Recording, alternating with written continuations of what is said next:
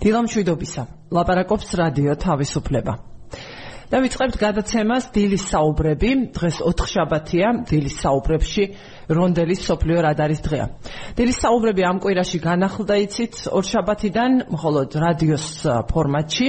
თუმცა ჩვენი მოსმენა შეგიძლიათ როგორც რადიო პალიტრის ეთერში 103 და 9-ზე სადაც ახლა დიდი ალბათობით გვისმენთ, ასევე შეგიძლიათ რადიო თავისუფლება წერტილი GE-ზე შეხვიდეთ და იქ მარჯვენა ზედაკუთხეში რადიოს ნიშანს დააჭიროთ, სადაც ასევე მიდის ჩვენი სიგნალი და მოგვიანებით კი იდება ჩანაწერები ამავე ლინკზე და პოდკასტის სახით შეგიძლიათ ჩამოტვირთვა ჩვენი გადაცემისა.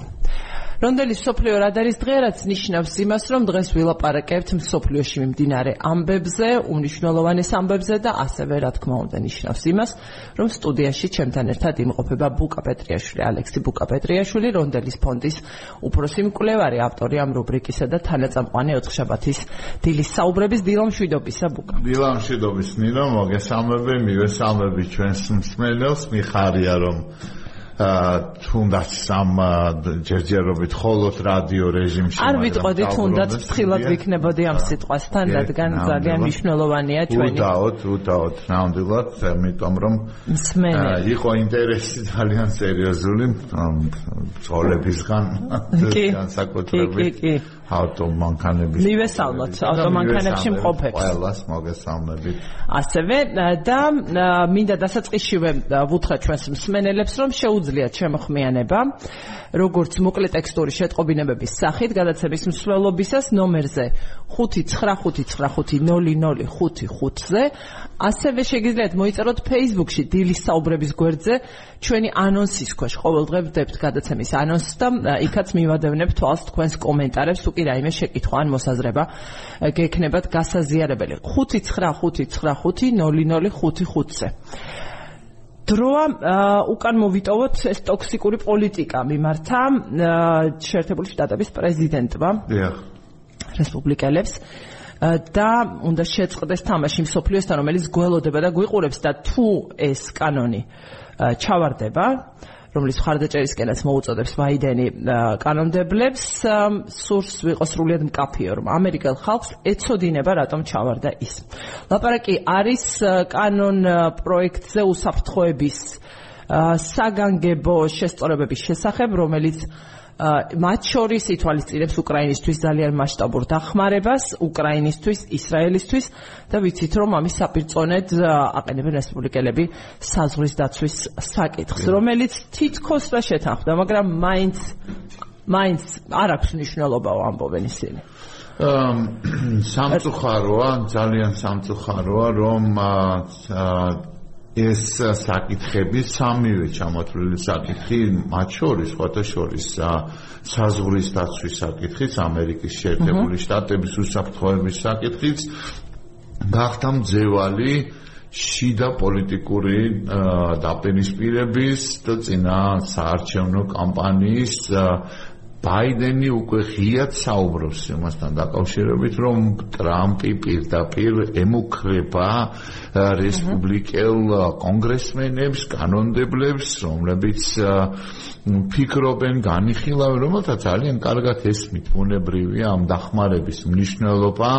შენ აღნიშნე, რომ თითქოს შეთანხმებულიყო დიახ სენატის უნდა შესულიყო მოლოდინი იყო რომ სენატში მაინც შევიდოდა ეს 116 მილიარდ დოლარიანი ეს კანონ პროექტი საერთოდ 60 მილიარდი არის უკრაინის. 21 61 მილიარდამდე არის უკრაინის დახმარებისთვის ამ 61 მილიარდში მნიშვნელოვანი ადგილი უკავია სხვათა შორის ამერიკული საწარმოებისთვის. თანხების 15 მილიარდზე არის საუბარი.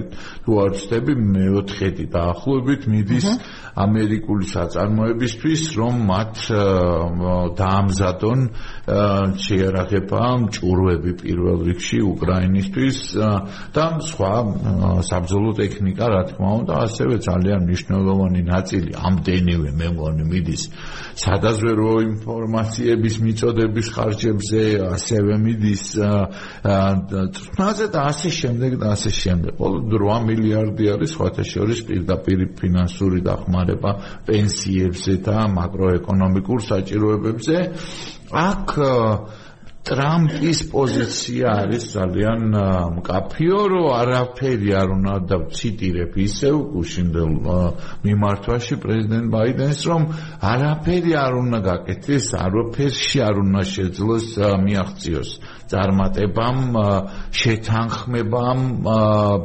ბაიდენის ადმინისტრაციასა და სხვა პოლიტიკურ ძალებს შორის. ამიტომ აი ეს თითქოს შეთანხმებული რომელზეც დღე და ღამე მუშაობდნენ და შეათანხმეს საზღვრის დაცვის საკითხებიც კი საზღვრის დაცვის გამტკიცებით ეუ დემოკრატებს მოუწია ძალიან სერიოზულ კომპრომისზე წასვლა მაგრამ იმისთვის რომ შეეთანხმებინათ და მიეღწიათ საერთო შეთანხმებისთვის ისინი წავიდნენ ამ კომპრომისზე. ახლა უკვე სენატში რესპუბლიკელების ლიდერი მიჩ მაკონელი აცხადებს რომ ის ასე ვთქვათ ამახვილებს ყურადღებას კონგრესის სპიკერის რესპუბლიკელი მაიკ ჯონსონის განცხადებაზე რომ ეს კანონი მკვდრად შობილი შემოვა კონგრესში თუ ის შემოვა იქნება მკვდრად შობილი. ახლა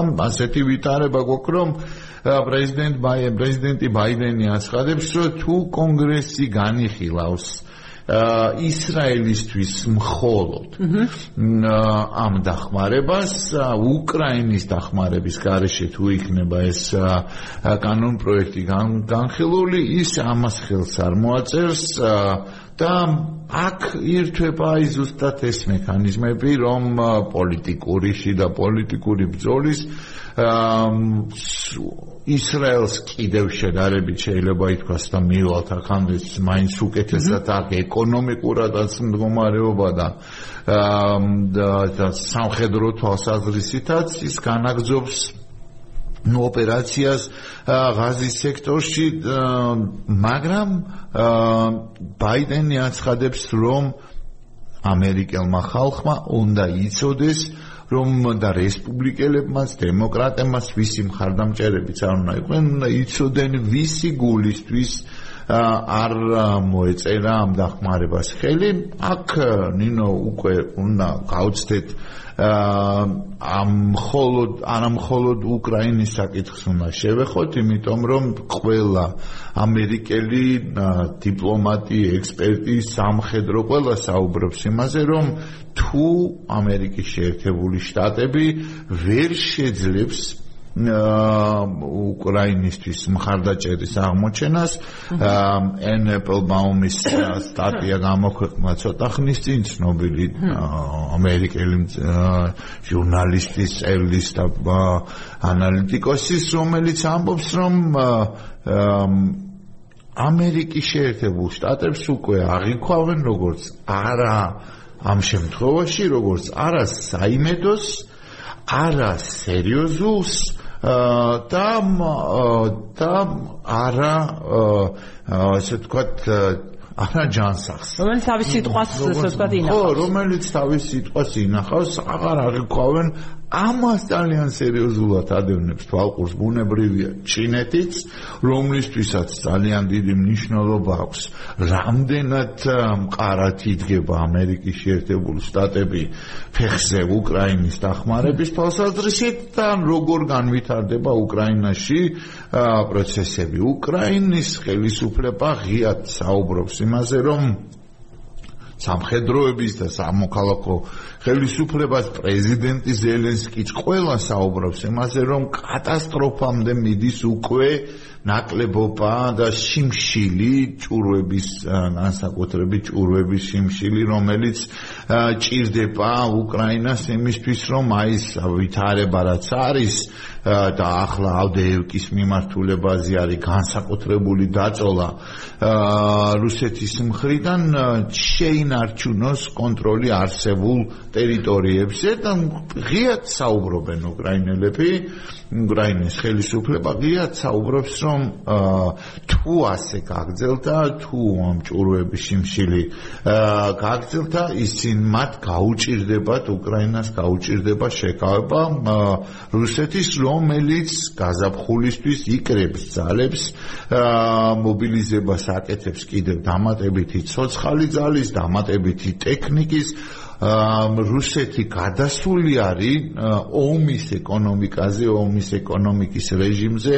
24 საათიან რეჟიმში აწარმოებს შეიარაღებას, ტექნიკას და მას პირდაპირ ღიად დაუფარავად ყოველგვარი შენიღვის გარეშენ, ну, ჩtildeოეთ კორეაზე ეს ისედაც ცნობილი იყო, ირანზეც ასევე ისედაც ცნობილი იყო, გამოქვეყნა აგერ სტატისტიკა, რომ მილიარდ 800 მილიონის შაჰიდები, ანუ დრონები მიაწოდა ამ ხნის განმავლობაში უკვე ირანმა, ახლა უკვე ჩინეთის თავდაცვის მინისტრმაც პირდაპირ დაუფიქსირა შოიგუს ახლად დანიშნულმა ჩინეთის თავდაცვის მინისტრმა, რომელიც დეკ დეკემბერში დაინიშნა პირველი საერთაშორისო კომუნიკაცია ქონდა და ეს იყო ცხადია რუსეთის მისი ვიზავი თავდაცვის მინისტრი შოიგუ რუსეთის მასთან ქონდა ონლაინ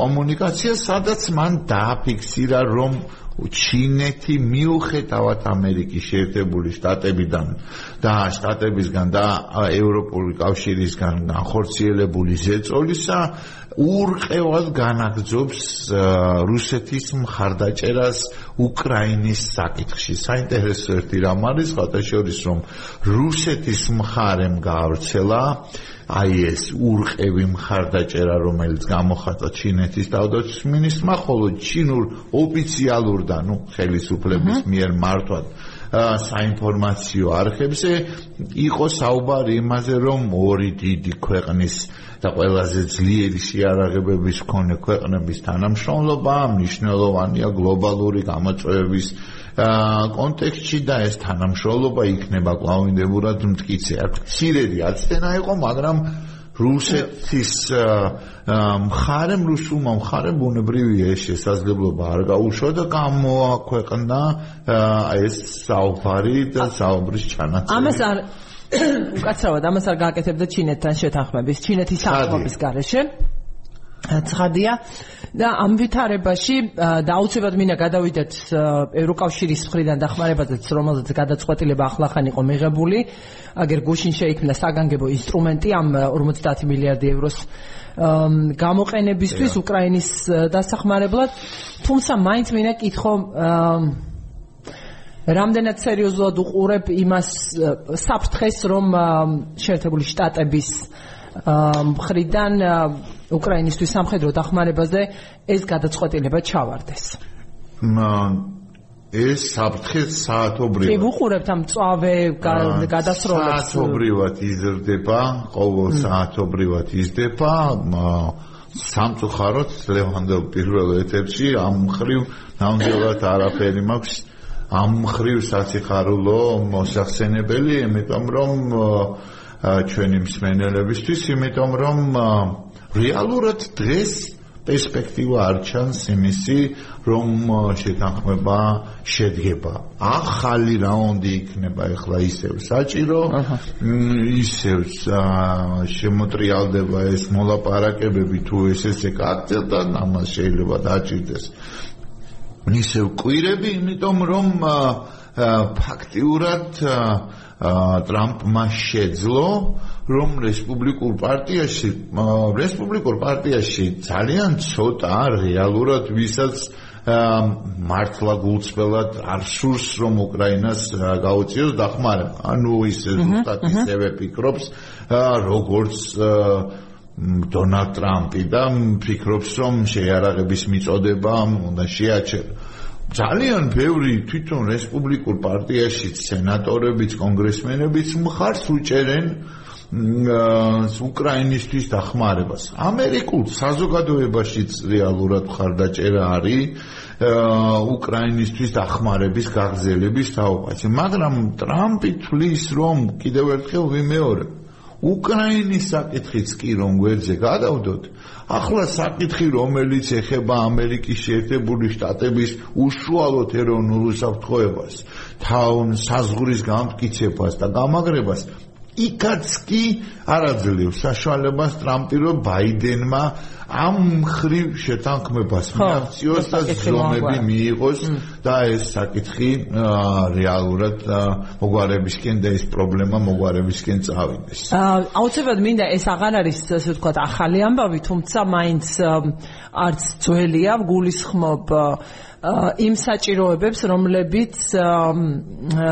ვალერი ზალუჟნიმ გამოკვეთა თავის სტატიაში, რომლის ვრცელი ვერსია შერღამული ძალების საიტზე დაიდო, მოკლე ვერსია CNN-მა გამოაქვეყნა ვიცით, სადაც ის ლაპარაკობს აა უკრაინის თუნებას მომცემ რომ გადავიდეთ ამაზე. სადაც ის ლაპარაკობს იმაზე რომ ომის დიზაინი შეიცვალა და რომ ამ ვითარებაში უკაცრავად უკრაინისტვის უპირატესობის მინიჭებელი შეიძლება სწორედ იქცეს ტექნოლოგიები თანამედროვე არა მხოლოდ არა მხოლოდ მათ შორის ომის დაგეგმვა და სხვაგვარად მიდგომა ომის სადმი. მაგრამ ამ ვითარებაში კიდევ უფრო მწვავედ ჩანს ეს საჭიროება არ სჭირდება ამას გაზრდა და გაბუქება შეერთებული შტატებიდან მოსალოდნელ დახმარებას მაგრამ მაინც რა ცვლილება უკვე ითქვა მათ შორის ლოიდოს სტილის ხრიდანაც რომ ამას უკვე აქვს ეფექტი ამ შეფერხებას დახმარებისა ომის მიმდინარეობაზე. რა შეიძლება ამან მოიტანოს საკუთრივ ომის მსვლელობისთვის? უკრაინა ბრძოლას არ შეწყვეტს ეს ცალსახად ცხადია და გამოცხადებულია და ამას არაფერი შეცვლის მაგრამ რა იქნება ფოტოშოპის აბოდიში ტექნოლოგიებზე ბოდიში არ დაგვავიწყდეს ამის აღნიშვნაც ეს საუბრები და არა მხოლოდ ზალუჟნის შეცვლაზე და მაგრამ ძალიან ნიშანდობლივი იყო. ზელენსკის ხრიდან მაგრამ ნიშანდობლივი იყო რომ გუშინ ზელენსკი მიიღო გადაწყვეტილება რომ ტექნოლოგიებს რადგან შეეხება დრონების ასე ვთქვათ არა ადამიანის მიერ მართული ტექნიკის ცალკე სისტემად გამოყოფაზე შეერაღებულ ძალებში. კი, სამდენ მიმართულება. ასე არ არის რომ არაფერში ეთანხმებიან ერთმანეთს, აქ უფრო თუ საკითხია. არა, არ არის ასე რომ არაფერში ეთანხმებიან. ამ რეალურად მე მინდა გითხრათ რომ ბოლო პერიოდში განხორციელებულმა ძალიან წარმატებულმა თავდასხმებმა უკრაინის საკუთარი რესურსები სხვათა შორის უკრაინის მიერ წარმოებული წრის ზედაპირზე გამოყენებული დრონების თუ ჰაერში დრონ კამიკაძე დრონების გაშვებით რაც უფრო შორს ხედავთ ჩვენ რომ ბოლო დღეების განმავლობაში ენერგო და ნავთობ ინფრასტრუქტურა ძალიან სერიოზული ზიანი მიაყენეს, ძალიან სერიოზული დარტყმები მიაყენეს, არა მხოლოდ ვოლგოგრადში და ბელგოროდში, არამედ კიდევ უფრო მეტად შორს რუსეთის სიღრმეში, ანუ იყო დარტყმები სხვათა შორის სანქტ-პეტერბურგის მიდამოებში ცოტა ხნის წინ კიდევ ერთი საზღვაო კატარღა გაუნადგურეს საზღვაო დრონების მეშვეობით, ასევე ყირიმზე ნიშნულოვან ინფრასტრუქტურულ ობიექტებზე. მიიტანეს იერიში ამ საზღვაო დრონების მეშვეობით. შესაბამისად დრონების გამოყენება იღებს ძალიან სერიოზულ ნიშნულობას და დატვირთვას ამ თვალსაზრისით ეს ერთი მეორე კარგი ამბავი ის არის რომ ბაიქარმა თურქულმა დრონების წარმოებელმა კომპანიამ დაიწყო კიევში მშენებლობა უკვე დაიწყო მშენებლობა ბაირახტარების ბიორების სამი ტიპის დრონების წარმოების ერთობლივი უკრაინასთან ერთობლივი წარმოების ესეც ძალიან მნიშვნელოვანია უკრაინა თვითონ სერიოზულად ზრდის სიმძლავრეებს, იგივე დრონების წარმოების სერიოზულად ზრდის მაქსიმალურად ცდილობს რომ გაზარდოს ჭურვების წარმოების სიმძლავრეები, სხვათა შორის ასევე ძალიან საინტერესო სტატია გავრცელდა Wall Street Journal-ში სტივენ ჰედლის ყოფილი უშროების საბჭოს საკითხებში უშროების საკითხებში მრჩევლის პრეზიდენტის ასტა აგრეთვე ატლანტიკ კაუნსილის ვიცე-პრეზიდენტის კრონიგის მიერ რომელშიც არის ჩამონათვალი რა უნდა გააკეთოს უკრაინამ წარმატებული თავდაცვისთვის და წარმატებული კონტრზომებისთვის მაგრამ იგივე ყირიმის მიმართულებით და იქ არის საუბარი იმაზე რომ აი ეს კონტრაქტები რომელიც დადო სამ ამერიკულ სამხედრო სამრეწველო კომპლექსის წარმომადგენლებთან ბრიტანელებთან გერმანელებთან რაინმეტალმა უნდა დაიწყოს ინტენსიურად მუშაობა. ეს უნდა დაჩქარდეს ეს უნდა გააქტიურდეს და სამხედრო ინდუსტრია უნდა გაძლიერდეს მაქსიმალურ სიმძლავრეებზე უნდა ავიდეს ეს ერთ-ერთი შეთავაზება ისევე როგორც ჩამონათვალში არის მიწოდების გზების განადგურება და კონკრეტულად ყირიმის მიმართულებაზე არის საუბარი. ამასთან დაკავშირებით სხვათა შორის უკრაინის საზღვაო ძალების წარმომადგენელმა განაცხადა რომ მიმდინარე წლის განმავლობაში 2024 წელს დანამდვილებით განადგურდება ყირიმის ხიდი ანუ ციტირებ მას კონსტრუქცია რომელსაც ხიდს უწოდებენ. ხიდის მაგვარი კონსტრუქცია ასე ხაუსამან ხაზი. ნახოთ თუ მიიღებს იმ სამხედრო დახმარებას იმ საჭირო დახმარებას ძალიან ძალიან მნიშვნელოვანია რომ საფრანგეთის პრეზიდენტი ჩავა უახლოეს პერიოდში. უკრაინაში მანამდე გერმანიის ცნობილ ყოველწლიურ მიუნხენის უსაფრთხოების კონფერენციის ფარგლებში პრეზიდენტ ზელენსკი გააფორმებს კანცლერ შოლცთან უსაფრთხოების გარანტიების მორიგ შეთანხმებას.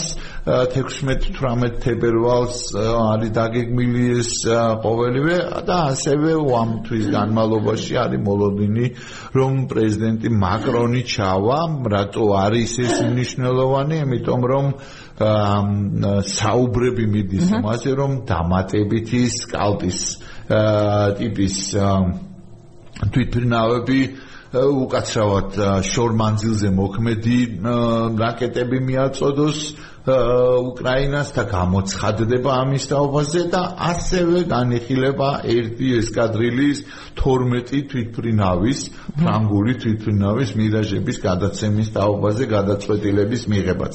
ამას თუ დავამატებთ ცნობას, რომ ნიდერლანდებმა 18-დან 24 თვითფრინავამდე გაზარდეს გადაწყვეტილება F-16-ების უკრაინისთვის მიწოდების თაობაზე, ამ ხრივ შორ საშუალო ვადიან ჭრილში უნდა ვთქვათ რომ უკრაინა არც ისე და არც ასე ფარხმალს არ დაყრის კაპიტულაციას არ გამოაცხადებს არც რუსეთი არის პუტინი არის იმისთვის მზად რომ შეწყვიტოს ეს სამხედრო ოპერაცია და შეჩერდეს იმიტომ რომ მას ჭირდება დაღალოს გამოწუროს და დაელოდოს ევროპაში და ამერიკის შეერთებულ შტატებში ცვლილებებს და მისთვის უფრო მომგებიანად გან არსებულ ვითარებაში მომგებიან ვითარებაში მიიღოს მაქსიმუმი. გუშინ დიმიტრი მედვედევის tweet tweet-ი გავრცელდა რომელშიც ის საუბრობს და ადრეც მithქვამს მე ამაზე და ახლაც გავიმეორებ რომ ნუ რა ვისექნება იმის ილუზია რომ ის ასე მთრალი მართლა თავისუფლად შევა და თავისუფლად ასე მიუხტება ლეპტოპს და ინგლისურ ენაზე ინსტრუმენტებს იდეებს გვიზიარებს. ის საუბრობს რომ აი ახლოს შორს არ არის ის დრო როდესაც ლვოვში ესპანეთიდან ლვოვის მიმართულებით სარკინიგზო ხაზის მშენებლობის პროექტ შეეხოთ ევროპა ლვოვის დაკავშირების საკითხს შეეხო რკინიგზით დაკავშირების საკითხს და მან აღნიშნა რომ ევროპა ჩამოყალიბდა უკვე ამასთან დაკავშირებით რომ ლვოვი იქნება უმომავალი უკრაინის დედაქალაქი და უკვე ხვდებიან რა ფარგლებში იქნება ეს თანამშრომლობა. ეს არ არის შემთხვევითი იმიტომ რომ პუტინიც ასევე ამ გზავნილებს უშვებს დასავლეთის მიმართულებით რომ ის უკრაინა აღარ იქნება რეალურად რომელიც იყო შეთანხმებული საერთაშორისო საზღვრებით საერთაშორისო ფარგლებში და ამ მიმართულებით გზავნილებს უშვებს მაგრამ ეს და ეს წინადადება შეხვით თუ ეს დახმარება შემცირდება და აქ კიდევ ერთი შემაშფოთებელი ციტატა უნდა მოვიყვანო, რომელიც გააკეთა ევროპული კომისიის ვიცე-პრეზიდენტმა და უმაღლესმა კომისარმა წარმომადგენელმა ევროპული კავშირის ჯოზეფ ბორელმა აღნიშნა, რომ მოუწოდა ევროპელ წარმოებლებს ჭურვის, ჭურვების წარმოებლებს, რომ არა სხვა ქვეყნებს მიაწოდონ, არამედ უკრაინას მიაწოდონ, ევროპული კავშირი ვერ ასრულებს თავის ვალდებულებას 1 მილიონი ჭურვის მიწოდების. თაობაზე და ეს სწორედ ამით ახსნა ჯოზეფ ბორელმა მან აღნიშნა რომ არა იმიტომ რომ მილიონი ჭურვის წარმოების პრობლემა არა უბრალოდ ეს მილიონი ჭურვი სრულად არ მიეწოდება უკრაინას და მიმართა თხოვნით და მოუწოდა უკვე კიევიდან მე მგონი რომ კი კიევიდან მოუწოდა რომ ეს ჭურვები მიაწოდონ დაუყოვნებლივ უკრაინას და მხოლოდ უკრაინას იმიტომ რომ ეს აუცილებელი არის გამარჯვებისთვის. ასეა ჯოზეფ ბორელი კიევში იმყოფება ვარშავაში ყოფნისას მან თქვა რომ უკრაინისტვის დახმარება უნდა იყოს არა იმდენ ხანს რამდენ ხანსაც საჭირო იქნება არამედ ყველაფრის ფასად და ეს მნიშვნელოვანი აქცენტი იყო რადგან დახმარება დროს ამით დროს მიანიჭა კიდევ უფრო მეტი ფასი. რასაც თითქოს ხაზგასმა არ სჭირდებოდა, მაგრამ ჩემი შემდეგი შეკითხვა სწორედ დროს ეხება. დროის ფასს ამ მონაკვეთში ვიდრე შტატები გაერკვევა. არ ვიცი ჩავარდება შემდეგი რაუნდი იქნება როგორც ჩვენ თქვი ამას ამ ყველაფერს დრო სჭირდება და მნიშვნელოვანია არა იმ თვალსაზრისით რომ დღესაც რომ მიიღონ გადაწყვეტილება ხვალვე პრაქტიკულად თქვა შესაძლებელი იქნება დახმარების მიწოდება და ხვალიდანვე შეიცვლება ომის ვითარება არამედ როგორც სიგნალი იმიტომ რომ ეს ბევრ რამეს განსაზღვრავს არის თუ არა მოსალოდნელი აი სწორედ ამგვარი ეს თქო განცხადებების თუ ტვიტების და ტვიტერ პოსტების და ასე შემდეგ საფუძველზე რისი თქმა შეგვიძლია.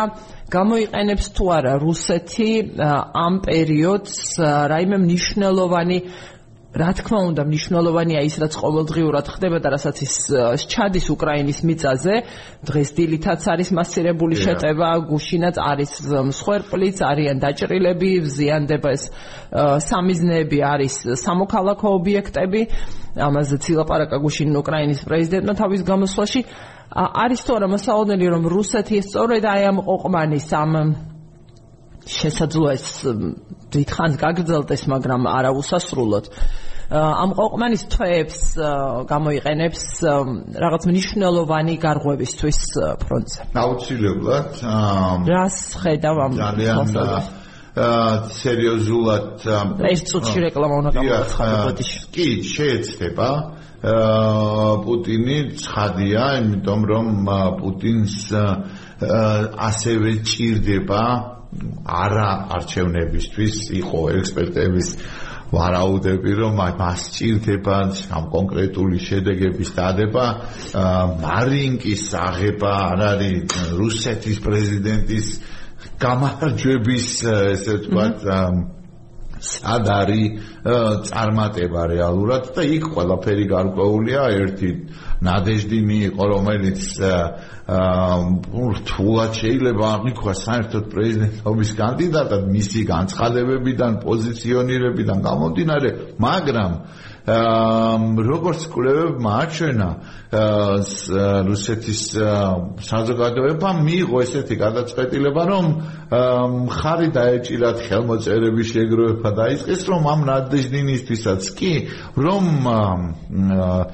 ეჩვენებინათ რუსეთისთვისაც და დანარჩენი მსოფლიოსთვის რომ ისი არ არის როგორც ამას პუტინი ასე ვთქვათ ყიდის მსოფლიოში და თავის ქვეყანაში 10%-იანი მხარდაჭერა ქონდა ნადეჟდინს, რომელიც აი საქართველოსი დაგროვებდა ხელმოწერებს. ხო, საქართველოსი დაგროვებდა ხელმოწერებს, ახლა დაუბრაკეს 15 თუ 16% იმის მიერ შეტანილი ხელმოწერები ძალიან ცოტა დრო აქვს და რეალურად ხო გაუფუჭეს ბოდიში ამ სიტყვისთვის და რეალურად ძალიან პატარა შანსი რომ არ მოხსნან ამ ასე ვთქვათ სრბოლიდან.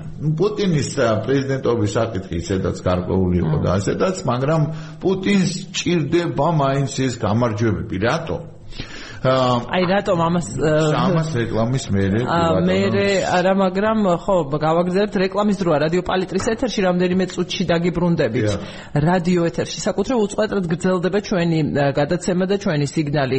რადიო თავისუფლება წერტილი GIZ და ვისაც ინტერნეტი გაქვთ შეგიძლიათ იქ განაგზოთ თუ კი არ ხართ ახლა ინტერნეტში. რადიო თავისუფლება წერტილი G მარჯვენა ზედა კუთხეში რადიოს დააჭირეთ ხო რატომ გავრცელდა ცნობა მემეს თავაზე რომ წარმოიდგინეთ რუსეთში ჩატარებული ბოლო კვლევების ლევადა ცენტრის მიერ ჩატარებული კვლევების თანახმად 65% გამოკითხულების მიიჩნევს რომ რუსეთი ძალიან ძვირ ფასს იხდის უკრაინაში ომის წარმოებისთვის ეს შეიძლება პირდაპირ არ გადაითარგმნოს იმაში რომ ეს ხალხი წინააღმდეგია მაგრამ არანაკლები პროცენტი არის მომხრე ომის შეწყვეტის. და დაუყოვნებლივ შეჩერების 50%-ზე მეტი არის მომხრე ომის დაუყოვნებლივ შეჩერების და შეწყვეტის. ეს ერთი. მეორე.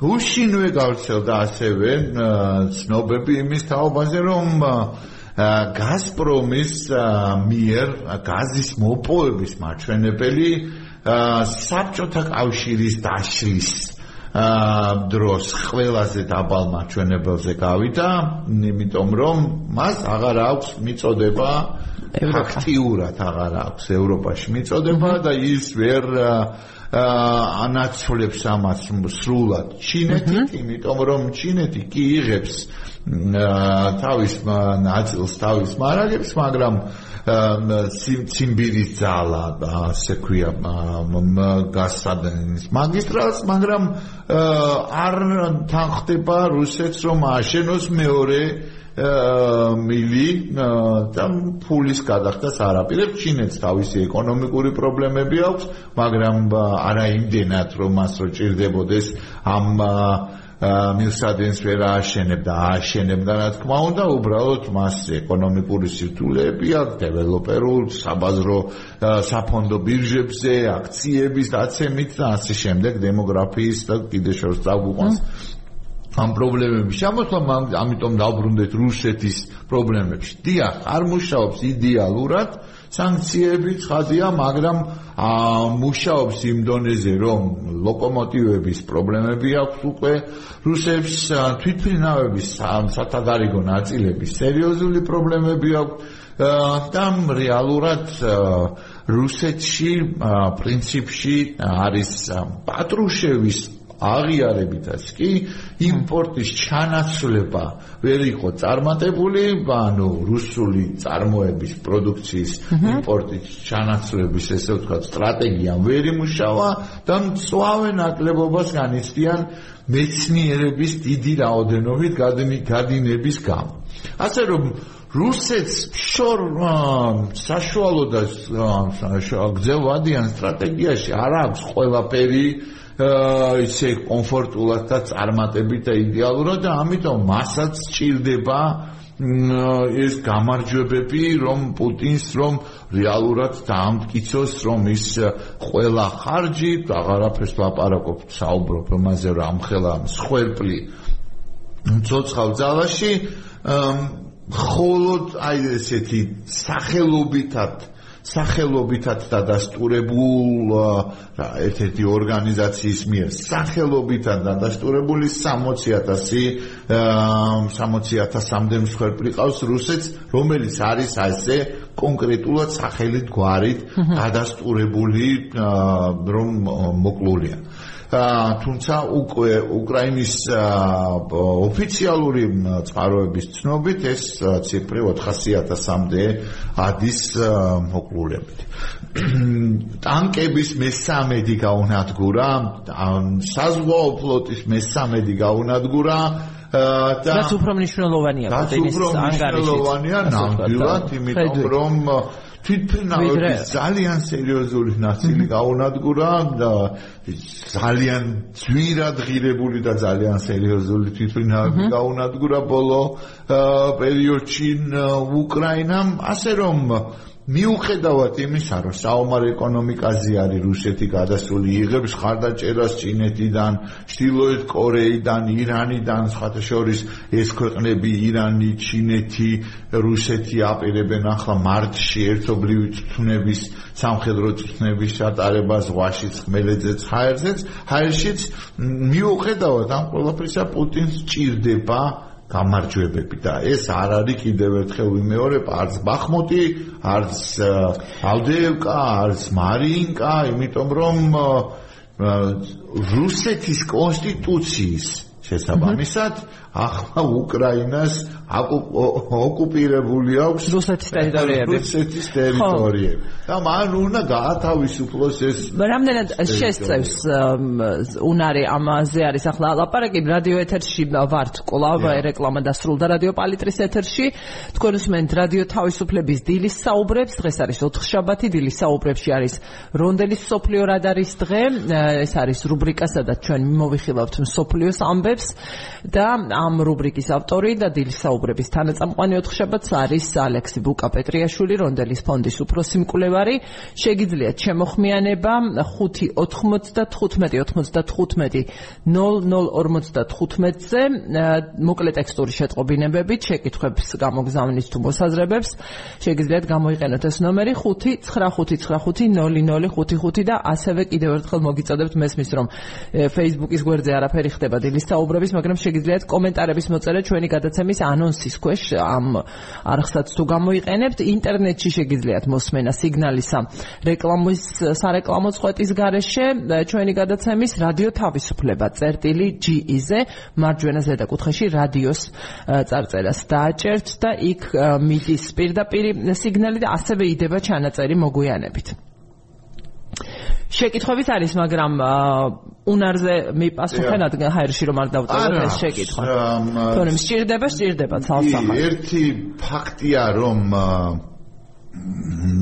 ჩვენ გულშემატკივრობთ მე პირადად უკრაინას, რა თქმა უნდა და შენს ბუნებრივია, მაგრამ რუსეთის თავად რუსეთის სამხედრო ექსპერტებიც და თავად რუსებიც აღიარებენ, რომ ფრონტის ხაზი გაჭედილია. დიდი წარმატებები და წინსვლები არ აქვს. არც მხარეს არც მეორე მხარეს. ახლა პუტინს აქვს იმის იმედი რომ თუ ეს დახმარება სულიად ასე კატასტროფულ დონემდე და ნიშნულამდე დაეცა მაშინ თავისი წარმოების ამ გაზდით და თავისი პარტნიორების მიერ შეერაღების მიწოდებით შეძლებს რომ გაზაფხულზე განახორციელოს წარმატებული ბორიკი იერიში, კიევზე, ხარკოვზე და უკრაინის სხვა მნიშვნელოვან ქალაქებს. ახლა ერთი მნიშვნელოვანი ფაქტიც არის შენახსენი ევროპული კავშირის დახმარება ევროპულ კავშირს აქვს. ძალიან მნიშვნელოვანი იყო ბუნებრივია სმენელების შეკითხვებია და თუ გინდა ხო ახის რაოდენობაზეც კი უფრო მეტად მნიშვნელოვანი იყო პოლიტიკური გადაწყვეტილება და ახლა სულ უფრო ხმამაღლა ისმის ევროპელი ლიდერებისგან რომ შეგვიძლია თუ არა ამერიკის გათიშვის ხო, ჩავანაცვლოთ ეს ხო. და გამოთიშვის შემთხვევაში ჩანაცვლება და ევროპამ ჩვენით ვიზურნოთ უკრაინის ამ ბრძოლის გაგრძელებაზე, ევროპის უსაფრთხოებაზე და ახლა აქეთკენ არის ეს ძალიან სერიოზული სერიოზულად მიმართული ეს თანხები ძალიან ცოტა იქნება თუ ამერიკის შეერთებული შტატებიდან არ წამოვიდა ფინანსური დახმარება და სამხედრო დახმარება, იმიტომ რომ სამხედრო დახმარებისთვის კიდევ დამატებითად ჭირდება ევროპულ კავშირს რომ საუბარი არის 20 მილიარდზე მეტი ევრო. ამ 50 მილიარდის მიღმა. 50 მილიარდის მიღმა. ეს არის ეკონომიკური სტაბილურობისთვის და ქვეყნის არ. კი, ამაზე ვიტყვი ორ სიტყვას ხო როგორც კი. ანუ შენარჩუნებისთვის. ამიტომ სპენელების კითხვებს უპასუხებ და აქ ხაზი მინდა გაუსვა იმას რომ რუსეთთან კონტექსტში რო დავრჩეთ. ძალიან სერიოზული. აი ამ იანვრის განმავლობაში ნინო მიადევნებდი თვალყურს ძალიან სერიოზული თანამდებობის პირები. ეს უკვე აღარ არის ეკონომიკის და სამხედრო ექსპერტები და დიპლომატიის და საერთაშორისო ურთიერთობების ექსპერტები ძალიან სერიოზული თანამდებობის პირები საუბრობენ და იღებენ გადაწყვეტილებებს უკვე იმის თაობაზე და აცხადებენ რომ უნდა ვემზადოთ გძელვადიანი დაპირისპირებისთვის რუსეთთან ერთი და სამხედროები პირდაპირ აცხადებენ გერმანიის, ნორვეგიის, შვედეთის ნატოს წევრი ქვეყნების სამხედროები აცხადებენ რომ უნდა ვემზადოთ ომისთვის რუსეთთან. თუ რუსეთი პუტინი შეძლებს უკრაინაში გამარჯვების მიღწევას, ის იქ არ გაჩერდება და აუცილებლად მიადგება რომელიმე ევროპულ ქვეყანას, რომელიც არის ნატოს წევრი ქვეყანა და ამ შემთხვევაში თუ იქნება ტრამპი და ის დისტანციას აი აიღებს ნატოს ვალდებულებებიდან, მაშინ ევროპას მოუწევს სერიოზულად ბრძოლა და ომი რუსეთის წინააღმდეგ. ეს არის ძალიან სერიოზული ასეთი ღია განცხადებები ხო? არა, აბსოლუტურად. ენელმა ბუნებრივია იწოდეს, რომ ეს რეალობა არის. ევროპა ხო? ასეთ საუბრობს ევროპა დღეს. ევროპა ცხადია გრძნობს გაცილებით მწვავე ტემპერატურას ომის და ამ საფრთხეს და ხო როგორიც უნდა უნდა იყოს პროგნოზი, ორივე პროგნოზი უნდა იყოს განხილული და ორივესთვის უნდა იყოს მზად ევროპა ამას ცალსახად გრძნობენ და სწორად აღნიშნე. შენ, რომ ძალიან გახშირდეს ღია მკაფიო განცხადებები სწორედაც ძალიან მნიშვნელოვანი მაღალი თანამდებობის პირების, მნიშვნელოვანი ლიდერების და სამხედროებისა ასევე. და მინდა მინდა აქვე ხო რადგან ამ ამ თემას შეეხებ მიმდინარეობს ახლა უპრეცედენტოდ მასშტაბური წვრთნა ნატოსი სწორედ ასეთი სცენარით რომ ვთქვათ როგორც რუსეთი რუსეთის თავდასხმის თვის მზადყოფნის სცენარი არის და steadfast defender-ი მკიცე დამცველი შეიძლება ასე ქართულად ვუწოდოთ და სწორედ აი ამ თვალსაზრისითაც მნიშვნელოვანია ეს წვრთნა შეკითხები კი რაც შეეხება შეკითხებს სმენელისა რატომ არ აწერს ხელ ზალუჟნი მობილიზაციას? რა წინააღმდეგობას წინააღმდეგობა მასსა და ზელენსკის შორის? დღეს თუ არა დგას თუ არა ნადეჟდინის უკან ხადარკოვსკი რატომ არიან საზღვრის დაკეტვის წინააღმდეგი ბაიდენი და დემოკრატიული პარტია მექსიკასთან ხო სამივე რამდენიმე თემას უბრუნდება მსმენელი დრო დაგვრჩა 10 წუთი რომ აი გეტყვი დასრულებამდე ძალის პალდებულება არ არის ამ მობილიზაციის ხელმოწერა შევიდა კანონ პროექტი უკრაინის რადაში და უნდა დაიწყოს და მსჯელობა არის იმაზე რომ პირველივე მოსმენით მოეწეროს ხელი დამატებით ისე ვთქვათ ზომებს მობილიზაციასთან დაკავშირებით ეს ერთი მეორე მე არ მინდა ვისაუბრო ამ სპეკულაციებზე მაინც პრინციპში ღიად არც პრეზიდენტ ზელენსკის არც თავარსარდა ზალუჟნის არ განოცხადებიათ რომ არის რაიმე დაპირისპირება და უთანხმოება მასსა და ერთმანეთს შორის ან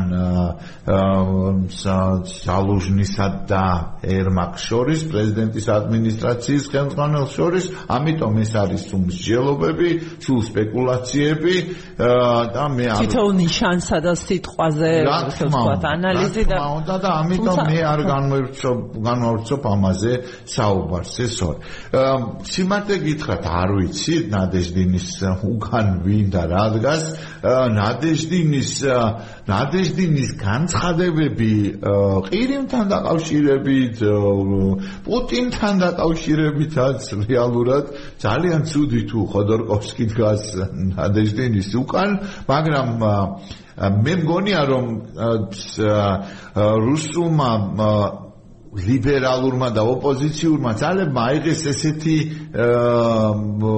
ესე ვთქვათ მანევრი გადაწყვიტეს რომ აი რაც აღნიშნებენ რომ სოფლიოს აჩენონ რომ რეალურად 90% კი არ უჭერს და აი დანადეჟდინიც კი რომელსაც სერიოზულად როგორც კანდიდატს არც პუტინი და მისი ასე ვთქვათ კგბ-ის აღიქვავს რა ქვია გარემოცვა ბიზნეს კგბ-შნიკური გარემოცვა ისევე არ აღიქვავს ასევე ოპოზიციას, მაგრამ უნდათ იმის დემონსტრირება, რომ რუსეთს ჭირდება განსხვავებული კანდიდატი.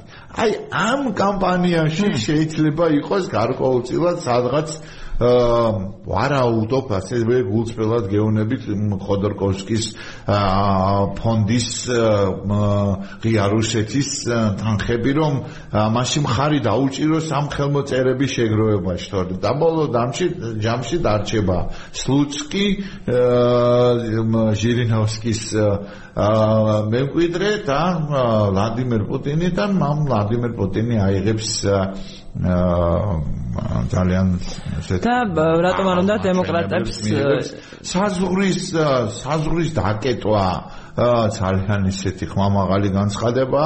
საზღვრის ზომების გამტკიცებაზე კიდევ ერთხელ ვიმეორებ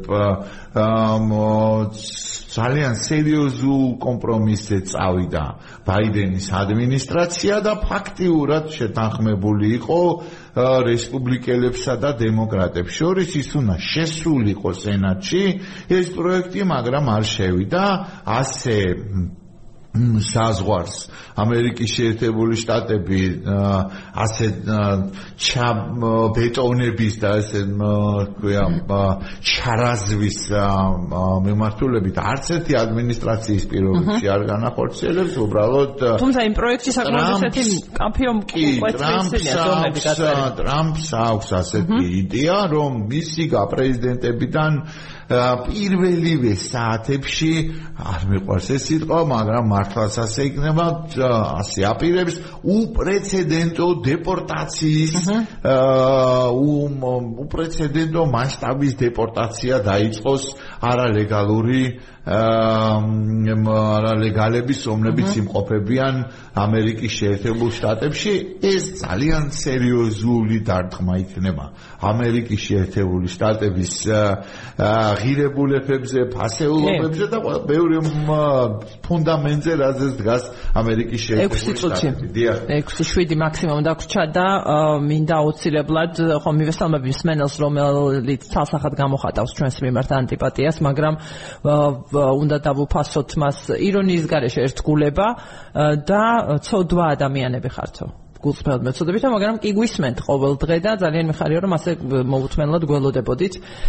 მნიშვნელოვანია ყოველი მეტი რადიო ჩართული ბოდიში. ახო აღმოსავლეთი ძალიან ცოტა დრო დაგვრჩა. და კიდევ ხო რაღაცები.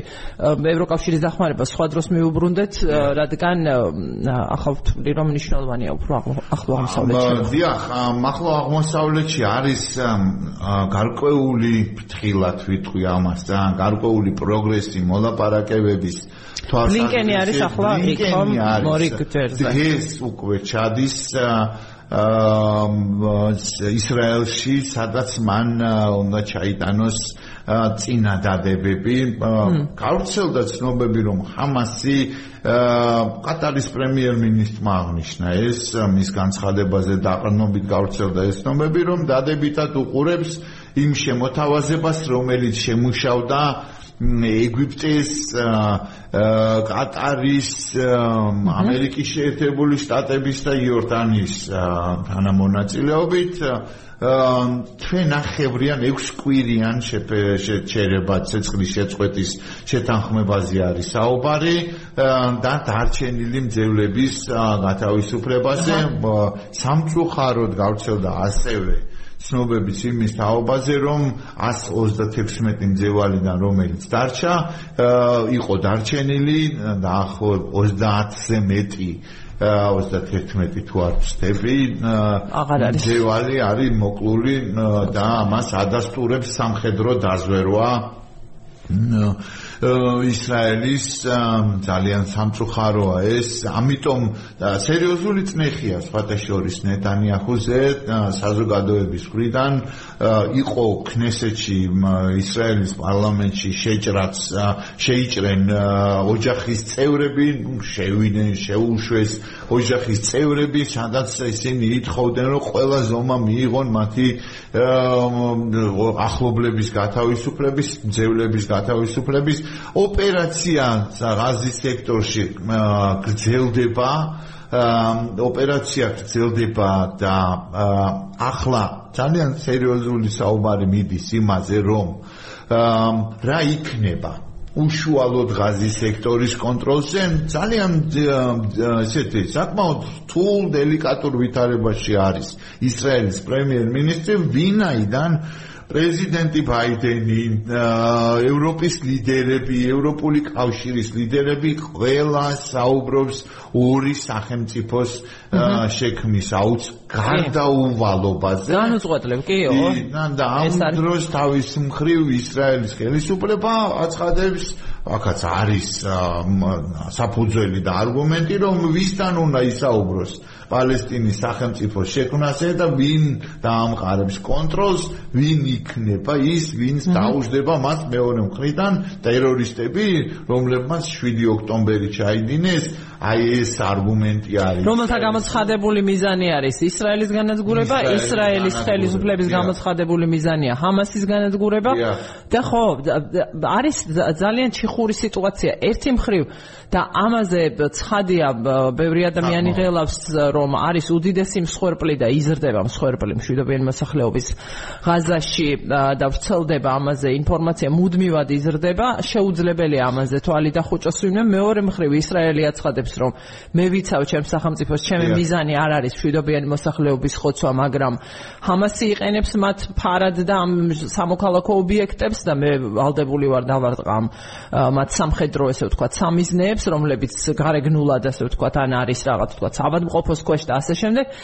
აა ამაზე ვერავინ ეუბნება ისრაელს რომ არა არ დაარტყავ ჰამასის ხო ვერც ეტყვიან სამხედრო საიდანაც მოდის საფრთხე და საიდანაც არის ცეცხლი ისრაელის მიმართულებით.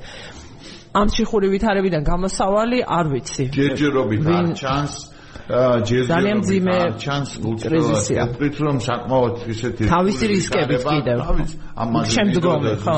მე თქვა ორი წუთი გაქვს კი. ორი წუთი რომ არ წასულა ჯერ ჯერ კონტროლირებადია ეს ყველაფერი, მაგრამ არ წასულა არსად რისკები იმისა რომ ეს დაპირისპირება გაცდეს ღაზის სექტორს, გაცდეს ისრაელის ტერიტორიას და გახდეს უფრო ფართო მასშტაბიანი რეგიონული კონფლიქტი, იმიტომ რომ მაგალითად ცოტა ხნის წინ ისრაელის თავდაცვის მინისტრმა გალანტმა განაცხადა, რომ ისრაელის თავდაცვის ძალები მზად არიან და უახლოეს მომავალში აუცილებლად დაიწყებენ ლიბანის ტერიტორიაზე ჰიზბალას მიმართ სამხედრო ქმედებების განხორციელებას. ეს ცეცხლის ურთიერთგაცვლა არც ერთი წამით არ შეწყვეტილა და არ შეჩერებულა, უბრალოდ აქ არის ძალიან მნიშვნელოვანი ის, რომ არც ამერიკის შეერთებულ შტატებს არც რეგიონის სხვა ქვეყნებს და რაც მთავარია,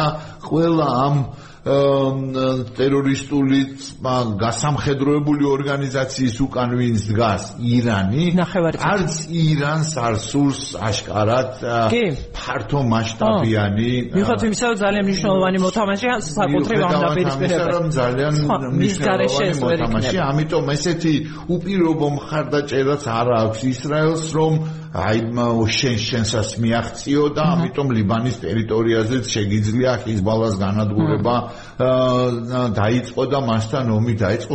ისრაელისთვისაც ეს ძალიან დიდი გამოწვევა იქნება იმიტომ რომ ხიზბალა გაცილებით უფრო ძლიერია ვიდრე ამასი და ის რაღაცა პატარ-პატარა ტერორისტული ორგანიზაციები რომელიც ნადგურდება ახლა ღაზის ტერიტორიაზე. ასე რომ ერთი კარგი ის არის რომ ჯერ მაინც არ არის ასეთი მკაფიო საფრთხე იმისა რომ გადაიზარდოს ეს ყველაფერი ფართო მასშტაბიან რეგიონულ დაპირისპირებაში მაგრამ არ ჩანს ასევე გამოსავალი უნდა ითქვას ესეც აი სინათლე ნამდვილად არ ჩანს ჯერჯერობით ამ გვირაბის ბოლოს. ძალიან დიდი მადლობა და დიდი მადლობა ჩვენს მსმენელებს. რადიო თავისუფლების დილის საუბრები დასრულდა. თქვენ უსმენით რონდელის სოფლიო რადარს ალექსი ბუკაპეტრიაშვილი რონდელის ფონდის უფროსი მკვლევარი გახლავთ 4 შაბათობით დილის საუბრების თანაწამყვანი მე ნინო გელაშვილი ვარ რადიო თავისუფლების ჟურნალისტი. ამ რუბრიკით ერთი კვირით გემშვიდობებით მე კი ხვალ შეგხვდებით დილის საუბრებში საგარეო პოლიტიკასა და უსაფრთხოებაზე ასე რომ დროებით